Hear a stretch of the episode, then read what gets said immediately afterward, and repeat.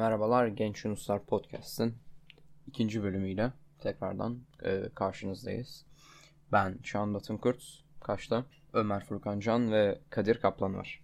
Bu sefer doğru söyledim ismini. Aynen. E, bugün günlerden 21 Mart Cumartesi. E, işte son haftalarda, son günlerde saçma sapan bir takım e, sosyal hayatımızda radikal değişiklikler oldu. Bugün de zaten bahsedeceğimiz şeyler hemen hemen e, bu konu üzerinde olacak. Bugün koronavirüs konuşacağız sanırım. Doğru mu? Evet. Normalde güncel haberleri yorumlayacağımız bölüm olacaktı ama malum dünya genelinde global bir kriz var. Bir virüs var. O yüzden bunu birazcık konuşalım dedik. Evet. Ben giriyorum Afa. Ee, şimdi yani toplumda şöyle bir şey var. Yani liberalizm çöküyor mu? Ee, o da tartışması var. Geçen e, bütün kanallarda bu tartışıldı zaten. Yani bütün kanallarda demeyeyim de bazı kanallarda tartışıldı. Ee, liberalizm çökme aşamasında değil, liberalizm şu an mola verdi. Yani e, liberal ülkeler şu anda olağanüstü bir durumda olduğumuz için e, liberal hayatlarına mola verdiler. Devletçi bazı politikalara giriştiler. Bu olması gereken bir durum. Bütün Evet. devletlerin yapması gereken bir durum. Çünkü yani e, bütün toplum hasta olacak. Yani e, bu durumda devletin bazı önlemler alması gerekiyor. Mesela yani neredeyse bütün devletler aynı önlemler alıyorlar. Fakat şöyle bir fark var. E, devletçi ülkeler yani Türkiye, e, bazı Rusya da herhalde devletçiydi sanırım.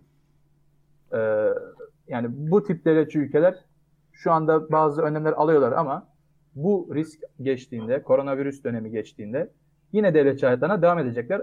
Liberal devletlerin tek farkı bu olağanüstü durum geçtikten sonra e, özgürlükçü liberal hayatlarına Ee, tekrar ben geri dönecekler. burada bir tartışma ortamı açmak istiyorum. Şimdi e, dediklerine ben kısmen katılmayacağım burada.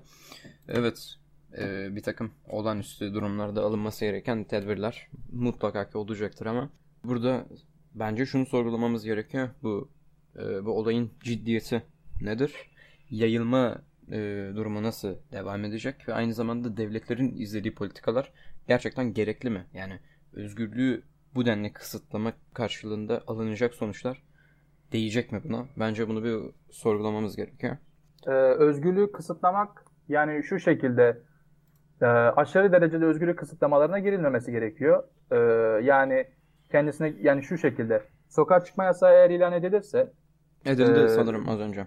herhalde de ya, ed- ed- edildi mi? 65 yaş üstüne. Ha, aynen onlara edilmiş olabilir.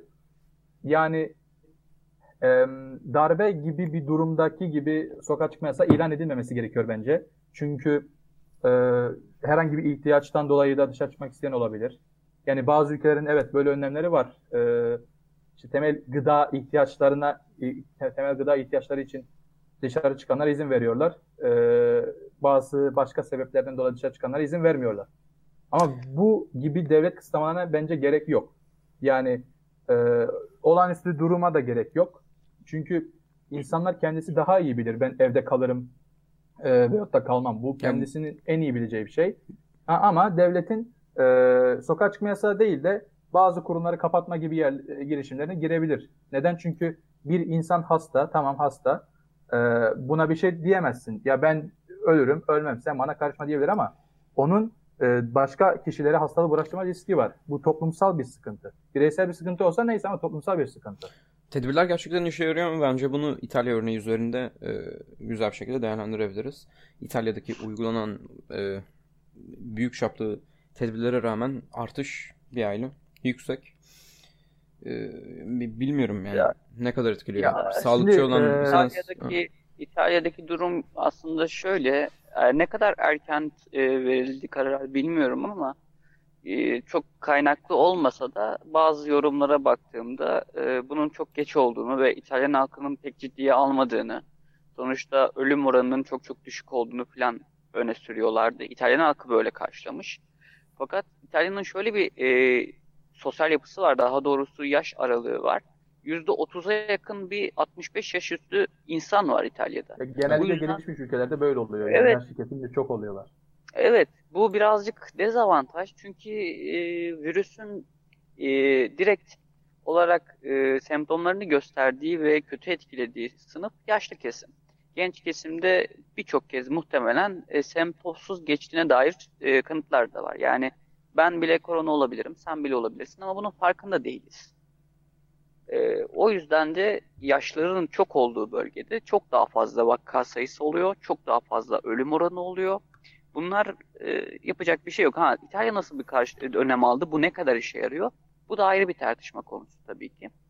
E, bunun yanında devlet e, sokağa çıkmak yasağı yapabilecek kadar tehlikeli bir işe mi giriyor ya da gerçekten buna hakkı var mı gibi bir soru sorarsanız da Bence bana girmemeli. göre ha evet sokağa çıkma yasağı çok çok üst bir te- tedbir. Bundan önce halkın bilinçlendirilmesi daha iyi. Halka bilinçlendirme konusunda Sağlık Bakanlığı bence çok e, iyi işler yapmaya çalışıyor. Ben takdir ediyorum kendisini, bak- bakanımızı. Aynen. Ee, ama gerçekten sokağa çıkma yasağı gerekli mi emin değilim. Çünkü e, virüsün ölüm oranı çok çok düşük. Ee, şimdi verilen e, rakamlar var. Ee, özellikle Dünya Sağlık Örgütü yanlış hatırlamıyorsam %3.1 gibi bir ölüm oranı veriyor. Fakat bu rakam gerçek değil. Çünkü nasıl gerçek değil? Henüz vaka sayısını tam olarak bilmiyoruz. Hala kaç kişinin Aynen. vakaya sahip olup olmadığını bilmiyoruz. Bu gizli vakalar nedeniyle sayılar Ama resmi fakat e, tam olarak halkı ölçemiyor. Nasıl yapabiliriz bunu biliyor musunuz? Tamamen e, karantinaya alınmış. Yani dışarıdan içeriden giren kimse olmayacağı bir e, sistem düşünün. O da çok mümkün değil sanırım değil mi? sistemdeki e, küçük Aha. bir modelleme yapacağım biraz biraz sonra. Bu sistem içerisindeki vaka sayısını, vaka sayısında ölüm oranını ve vakanın bulaşma olayını e, istatistik olarak incelememiz gerekiyor.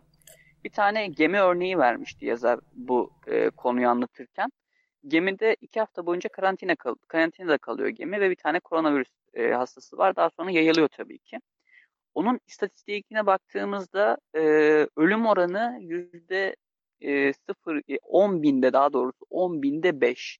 Yani bizim önümüzde olan resmi rakamlar yüzde 3.1 iken aslında bunun 10 binde 5 olabileceği gerçeği var önümüzde. Yani Ya griple aynı çok şeyler ya. tehlikeli değil. Yani Bana e, göre. Çok iyi bilimsel ki- kaynaklı değildir. Fakat daha e, farklı bir açıdan yorumlarsanız olay buna gidiyor. Ha ne yapabilir bu sırada devlet? Devletin yapabileceği şeyler halkı bilinçlendirmek olabilir.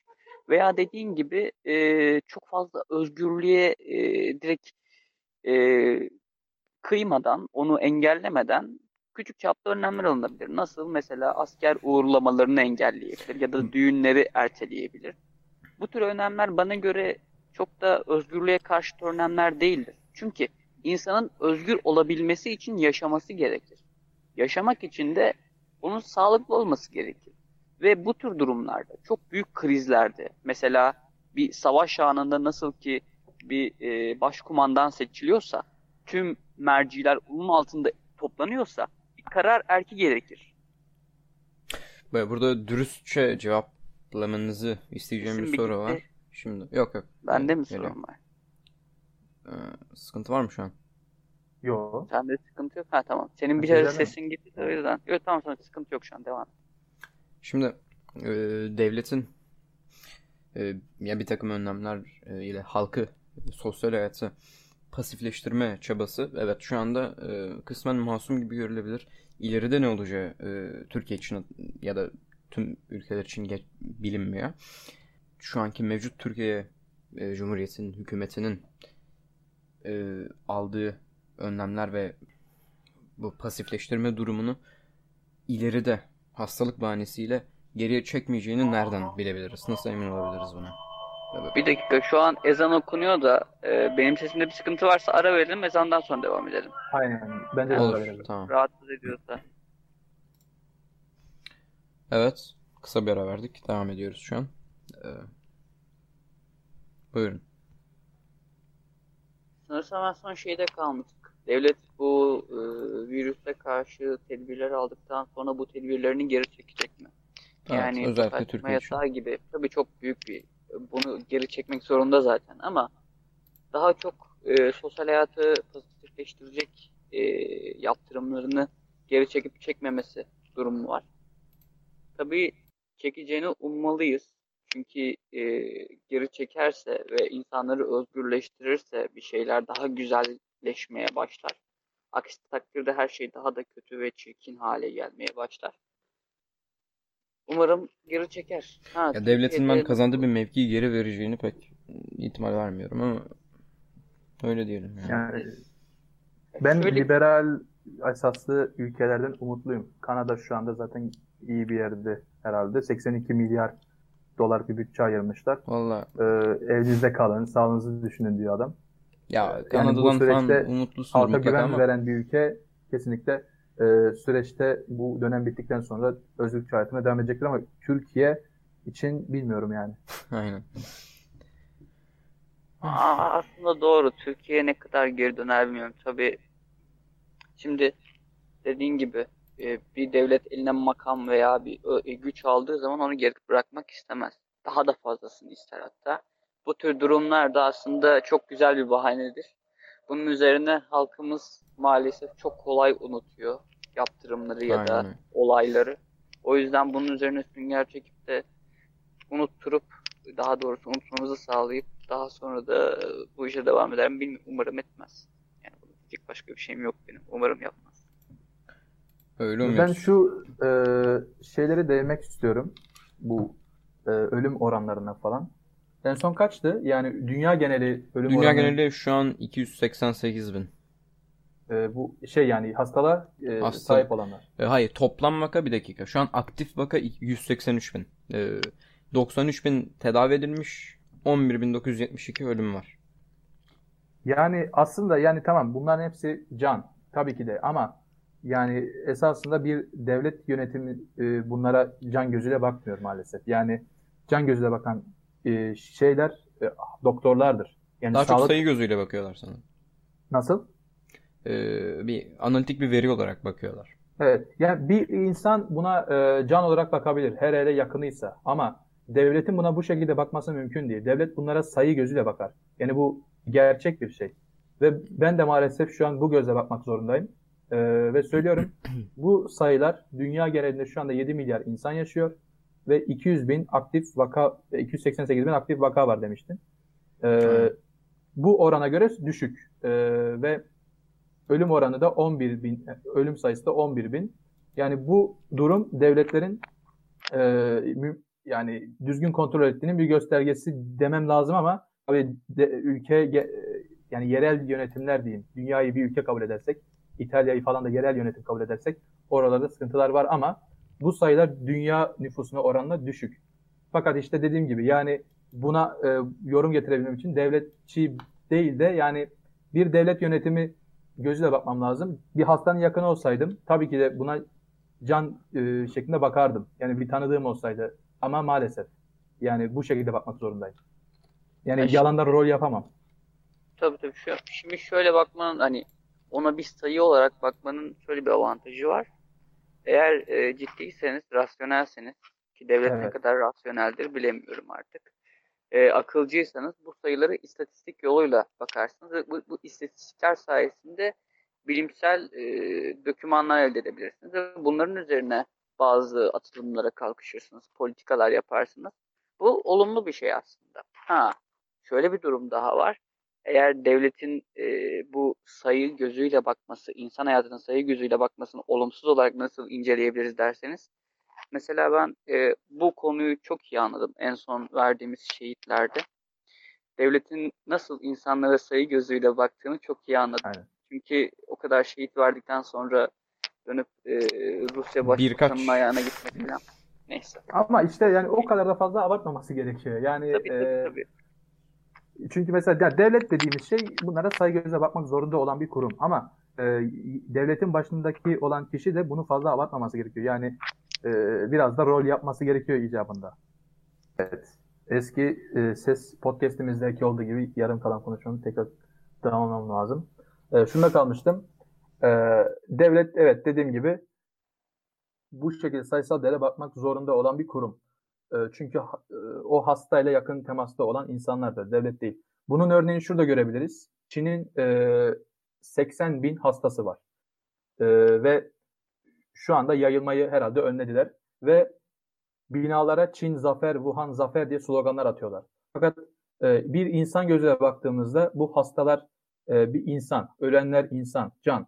Yani bunların yakınları gerçekten üzülüyorlar.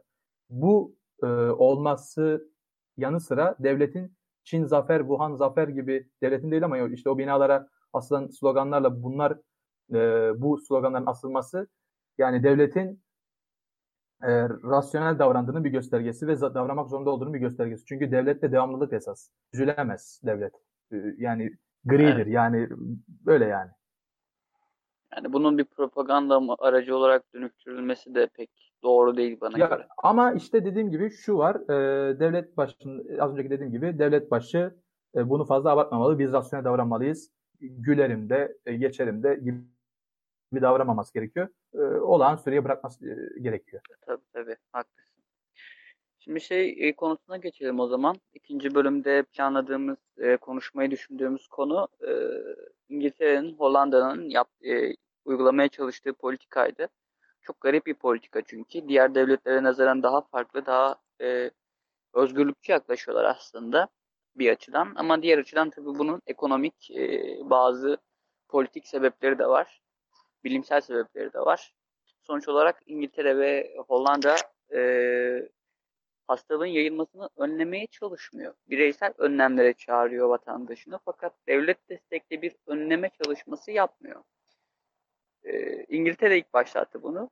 Bunun bilimsel bir dayanağı var elbette. Öyle kafasına estikleri gibi yapmıyor bu işi bu adamlar.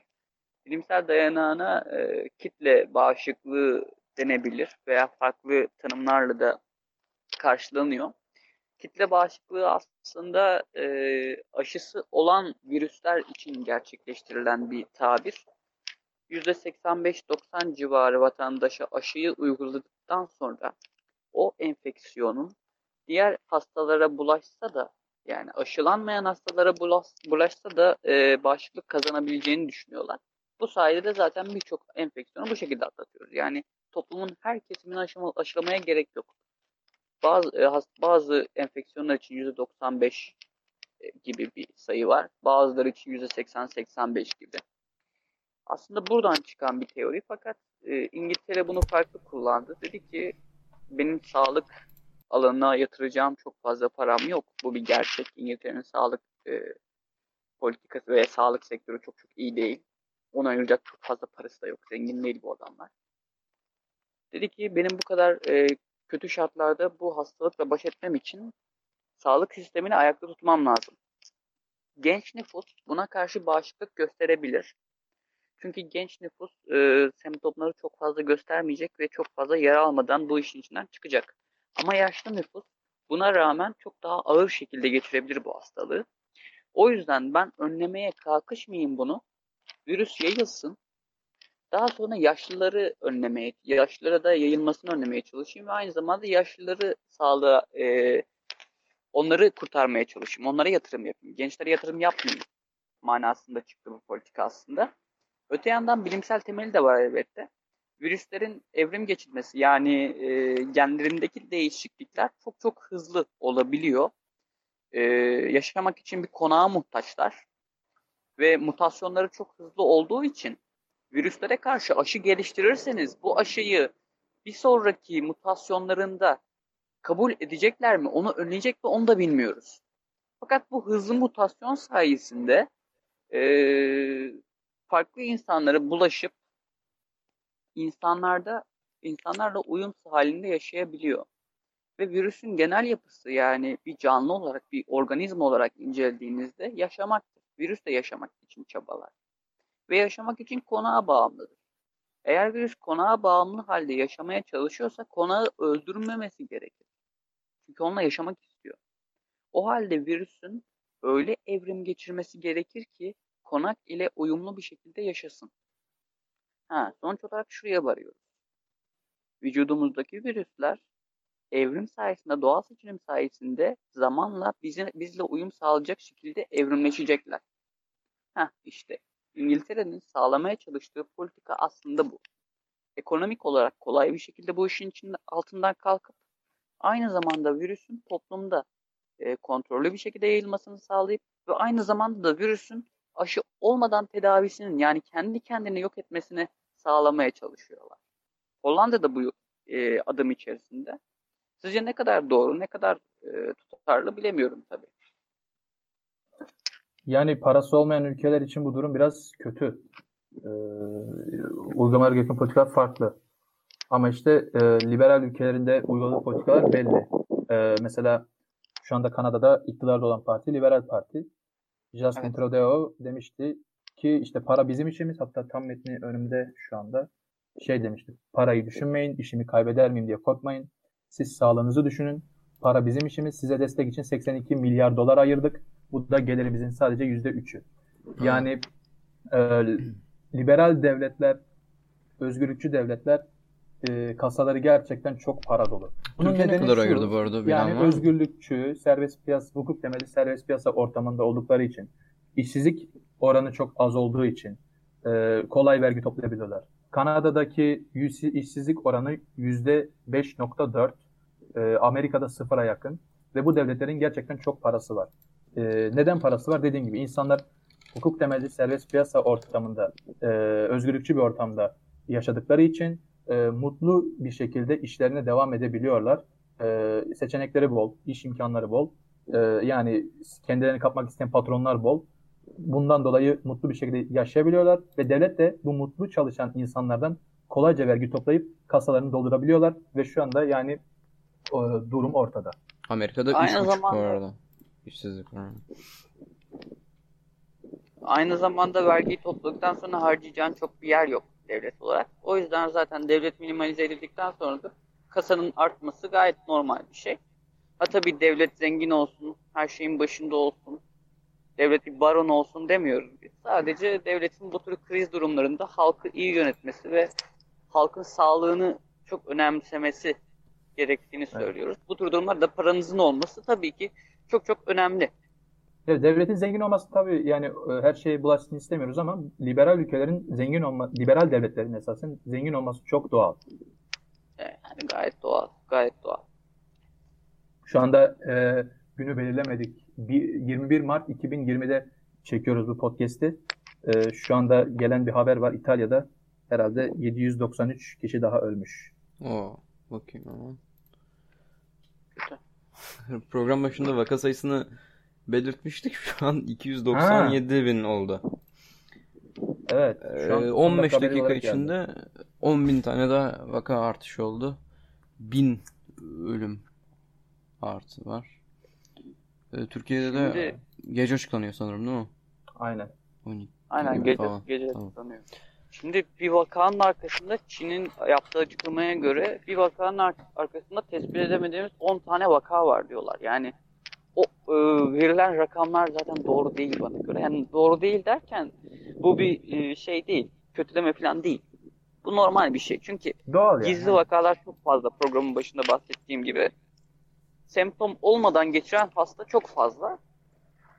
Yani ona yapacak bir şey yok. Dediğimiz gibi gerçek ölüm oranlarına, gerçek vaka sayısına, gerçek bulaşma hızına falan salgın bittikten sonra ya da e, ciddi incelemelerle tamamen e, karantina altına alınmış bölgeleri inceledikten sonra erişebiliriz. Salgın bittikten sonra verilen... da hatta olamayabilir yani belki de. Ta, tam e, yani, Türkiye'deki vaka sayısı da belli olmadığı için yani vatandaşlara şuradan buradan yine yineleyelim evde kalın. Lütfen evde kalın. Özellikle de yaşlı kesme söylüyorum evde kalın lütfen ya. Şu ya bence böyle bir, demek pek e, size garip sonuç... bir istatistik vereyim. Tamam bir, e, hemen vakit bulmuşken yanlış hatırlamıyorsam dünya genelinde gribal enfeksiyondan, viral enfeksiyondan yani soğuk algınlığından ölen sayısı e, ne kadardı? Ha, pardon. Soğuk algınlığından ölme istatistiği yüzde sekiz. Yani 100 tane grip hastasından 8 tanesi ölüyor. Ve sadece gribal enfeksiyondan. Yani evet, şimdi koronavirüs düşünelim.